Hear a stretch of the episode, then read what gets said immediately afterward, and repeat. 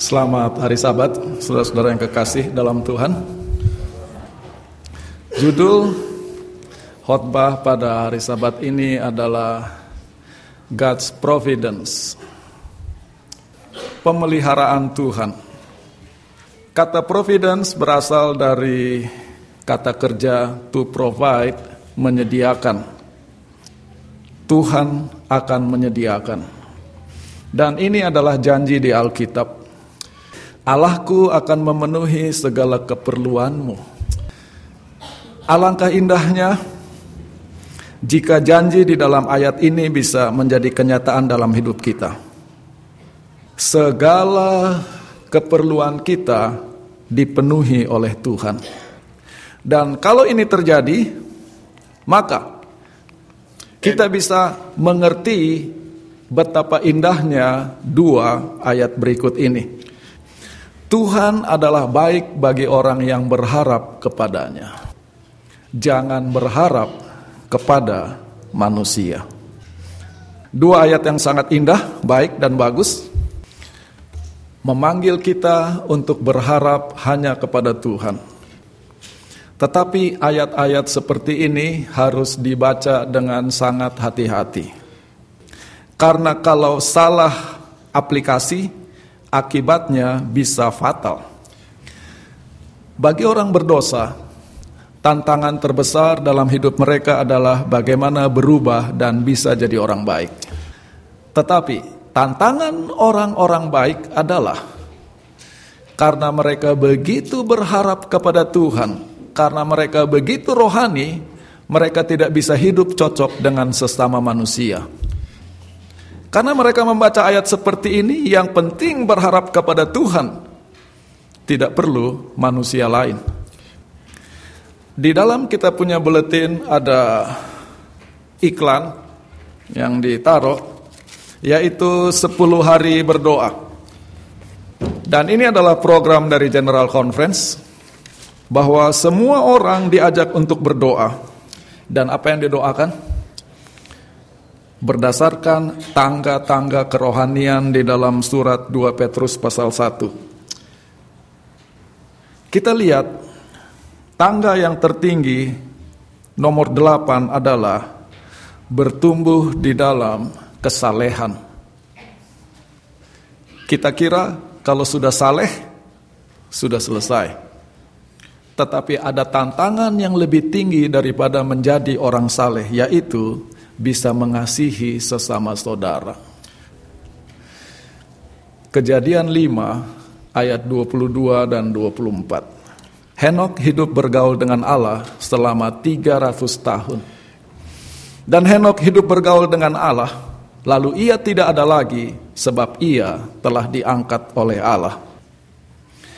Membaca ayat di kejadian pasal 5 ini, ada seorang berdoa kepada Tuhan Tuhan, sebenarnya saya rindu untuk menjadi seperti Henok.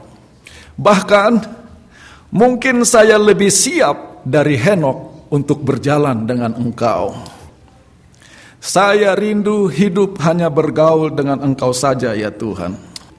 Selama bersama Tuhan, hidup ini terasa tenang, damai, dan indah. Yang bikin rusak adalah manusia-manusia di sekitar saya. Karena mereka inilah saya tidak bisa menjadi Henok. Orang-orang di tempat kerja, cara berpakaian mereka buruk, obrolan mereka tidak menarik, selera mereka rendah. Mendengar mereka bicara, melihat mereka, rasanya saya semakin jauh daripadamu ya Tuhan. Saya pergi ke supermarket, wajah dari kasir itu membuat saya jauh dari Tuhan. Melihat cara dia melayani saya, rasanya saya ingin marah, padahal saya ini sebetulnya orang yang sangat sabar. Tetangga di sebelah rumah sangat menguji kesabaran saya.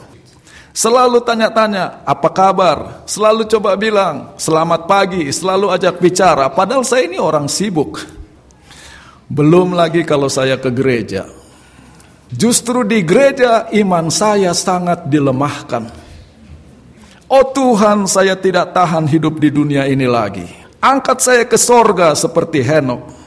Saya hanya ingin dan saya hanya bisa bergaul dengan engkau seperti Henok.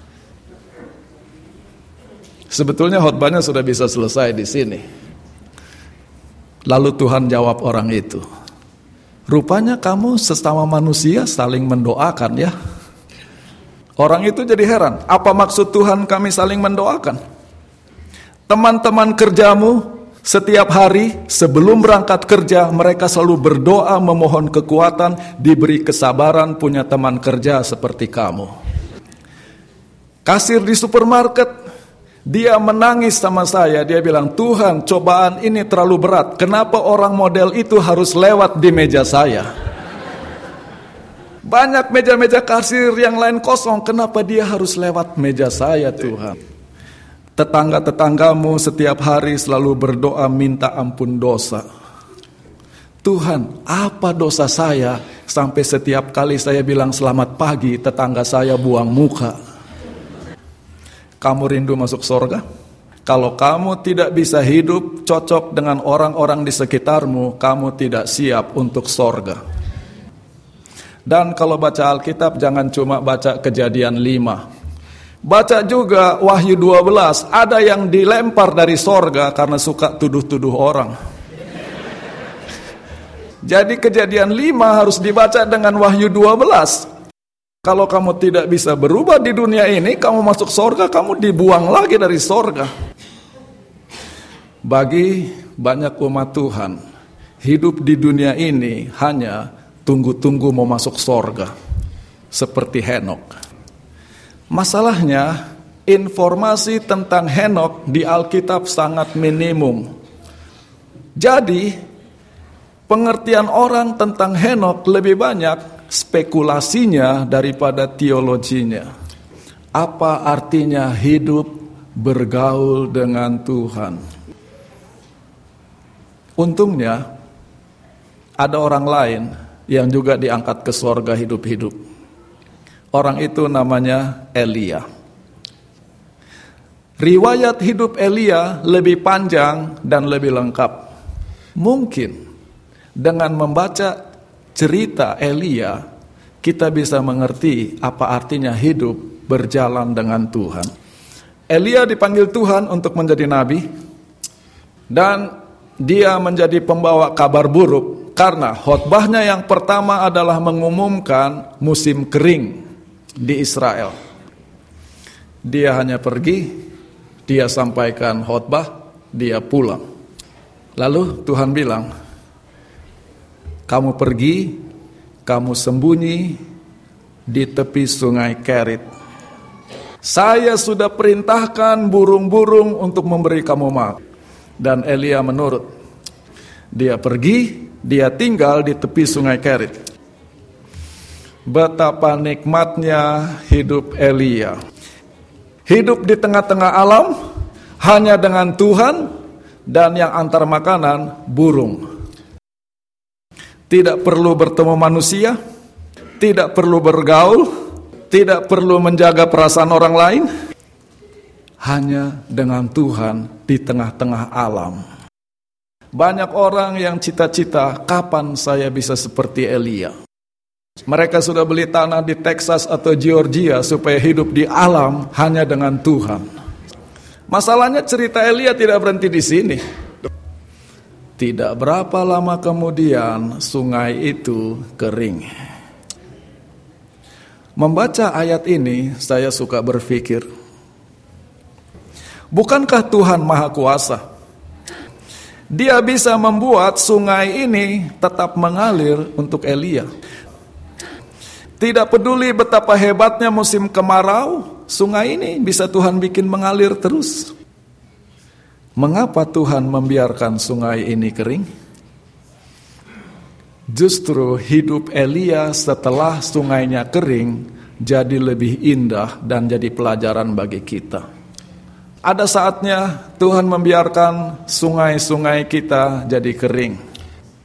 Jam kerja dikurangi, benefit dipotong, bahkan kehilangan pekerjaan. Ingat, Elia juga mengalami sungainya kering. Lalu Tuhan katakan, karena sungai kering kamu pergi ke Sarfat di wilayah Sidon. Dan perintah Tuhan yang kedua ini bisa kita bandingkan dengan perintah Tuhan yang pertama. Di perintah yang pertama Tuhan katakan, Aku telah memerintahkan burung-burung gagak untuk memberi engkau makan. Tetapi di perintah kedua, Tuhan katakan, Aku memerintahkan seorang janda untuk memberi engkau makan. Tiba-tiba jalan hidup Elia berubah. Dia sudah senang tinggal di tempat sunyi, di alam tidak bertemu manusia sekarang dia harus hidup di tengah kota, hidup dengan orang lain, orang-orang yang suka mengurus bukan urusan mereka. Dan kota yang Tuhan suruh Elia pergi bukan kota yang menarik. Di dalam cerita Elia, kata Sidon punya konotasi negatif. Karena Isabel, istri Raja Ahab, yang mengajar seluruh Israel menyembah berhala, adalah putri dari Etbaal, Raja Sidon. Dan ke kota kafir inilah Elia disuruh pergi. Bukan kota yang menarik. Dan lebih jauh lagi, dia harus tinggal di rumah seorang janda. Sebagian orang ketika membaca ayat ini mereka cemburu sekali sama Elia. Enak sekali Elia disuruh Tuhan tinggal di rumah janda. Kapan giliran saya? Kenapa Tuhan tidak pernah suruh saya tinggal di rumah janda? Kalau orang membaca Alkitab seperti ini, mereka punya dua problem. Yang pertama, mereka tidak mengerti apa yang mereka baca. Yang kedua, cara berpikir seperti ini tidak hormat, tidak sopan, dan boleh jadi penghinaan terhadap para janda. Seolah-olah janda-janda itu gampang dan murah. Jadi kalau ada orang cemburu sama Elia, bukan salah Tuhan, bukan salah Elia, problemnya ada di otak orang yang baca. Kita perlu baca ayat ini baik-baik. Perintah Tuhan ini bukan kabar baik bukan e- bagi Elia Justru Elia jadi stres ketika disuruh begini. Satu Raja-Raja 17 adalah permulaan karir Nabi Elia. Sebelum satu Raja-Raja 17, nama Elia belum pernah muncul di Alkitab. Bayangkan, dia baru mulai karir sebagai nabi dan baru mau kerja sebagai nabi, dia tinggal di rumah seorang janda. Maka ke mana saja dia pergi berkhotbah orang tanya, gimana kabar jandanya? Tidak ada orang yang mau dengar dia karena mereka melihat dia tinggal di rumah janda. Justru situasi ini sangat merusak reputasi Elia. Dia jadi korban gosip tidak habis-habisnya. Lebih jauh lagi, janda itu akan memberi dia makan. Elia bisa berkata kepada Tuhan, Tuhan, saya tidak suka berhutang budi sama orang. Sedangkan orang-orang yang tidak pernah memberi saya makan, banyak sekali omongan mereka, apalagi orang yang kasih makan saya ini. Janda ini akan cerita ke mana-mana kalau nanti saya jadi nabi hebat. Itu kan saya yang kasih makan. Bangga sekali dia nanti wibawa dan harga diri saya sebagai nabi jatuh. Judul khotbah ini adalah God's Providence. Pemeliharaan Tuhan. Di dalam angan-angan kita pemeliharaan Tuhan itu selalu indah.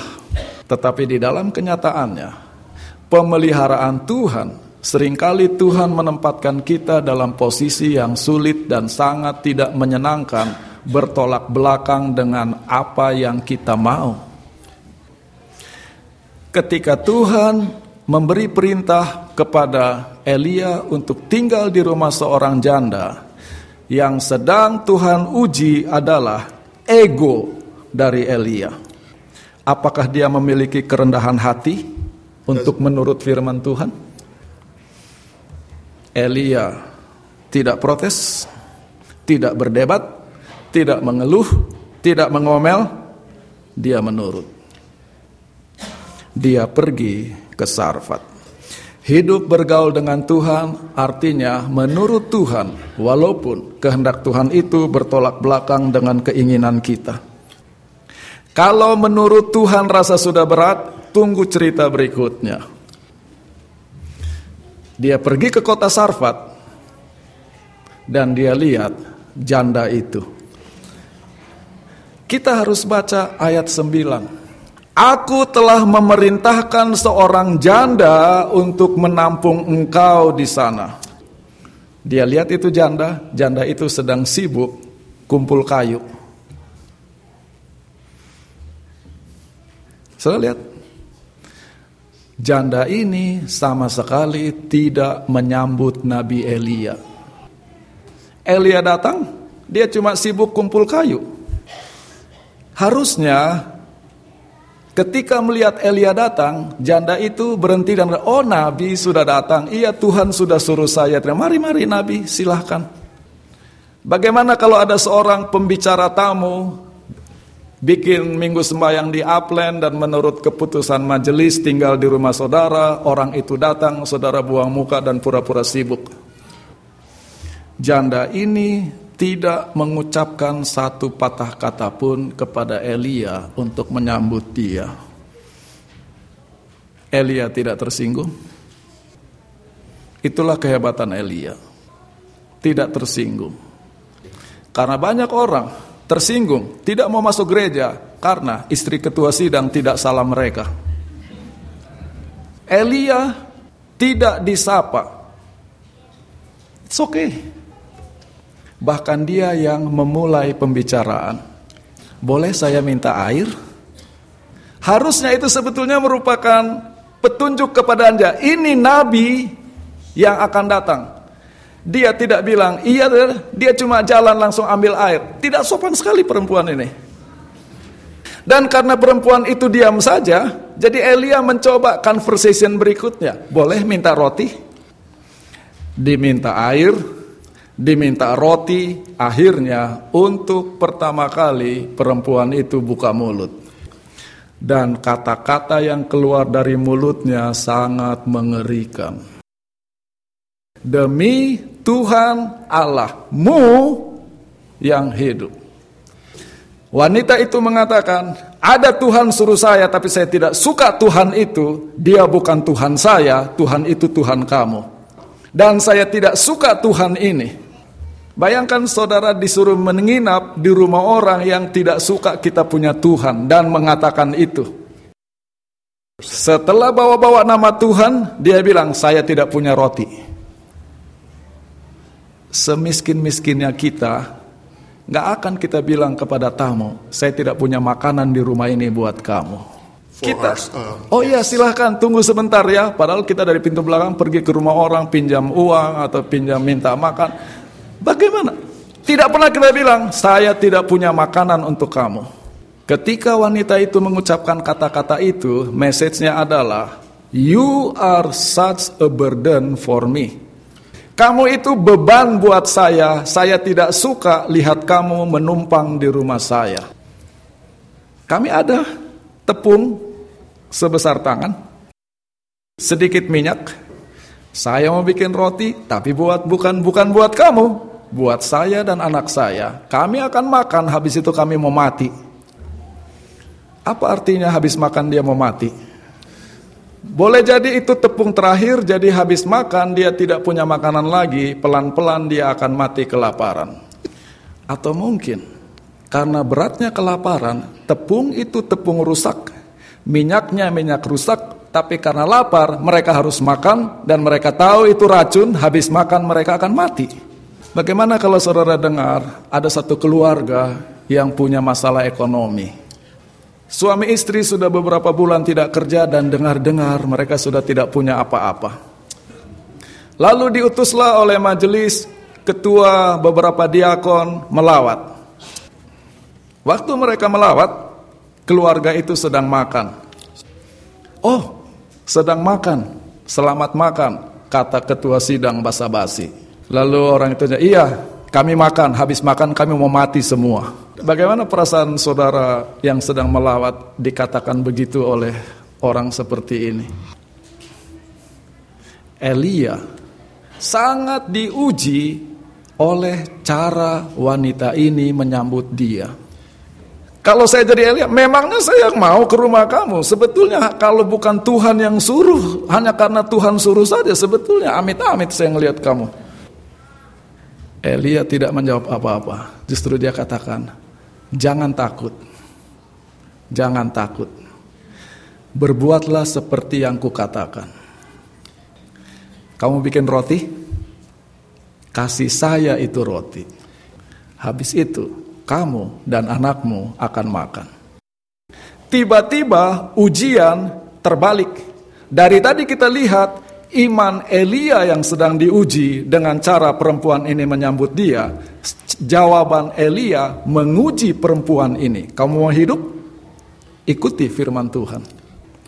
Karena cara Elia bicara begitu baik, perempuan itu jadi lembut hatinya dan mengikuti dia.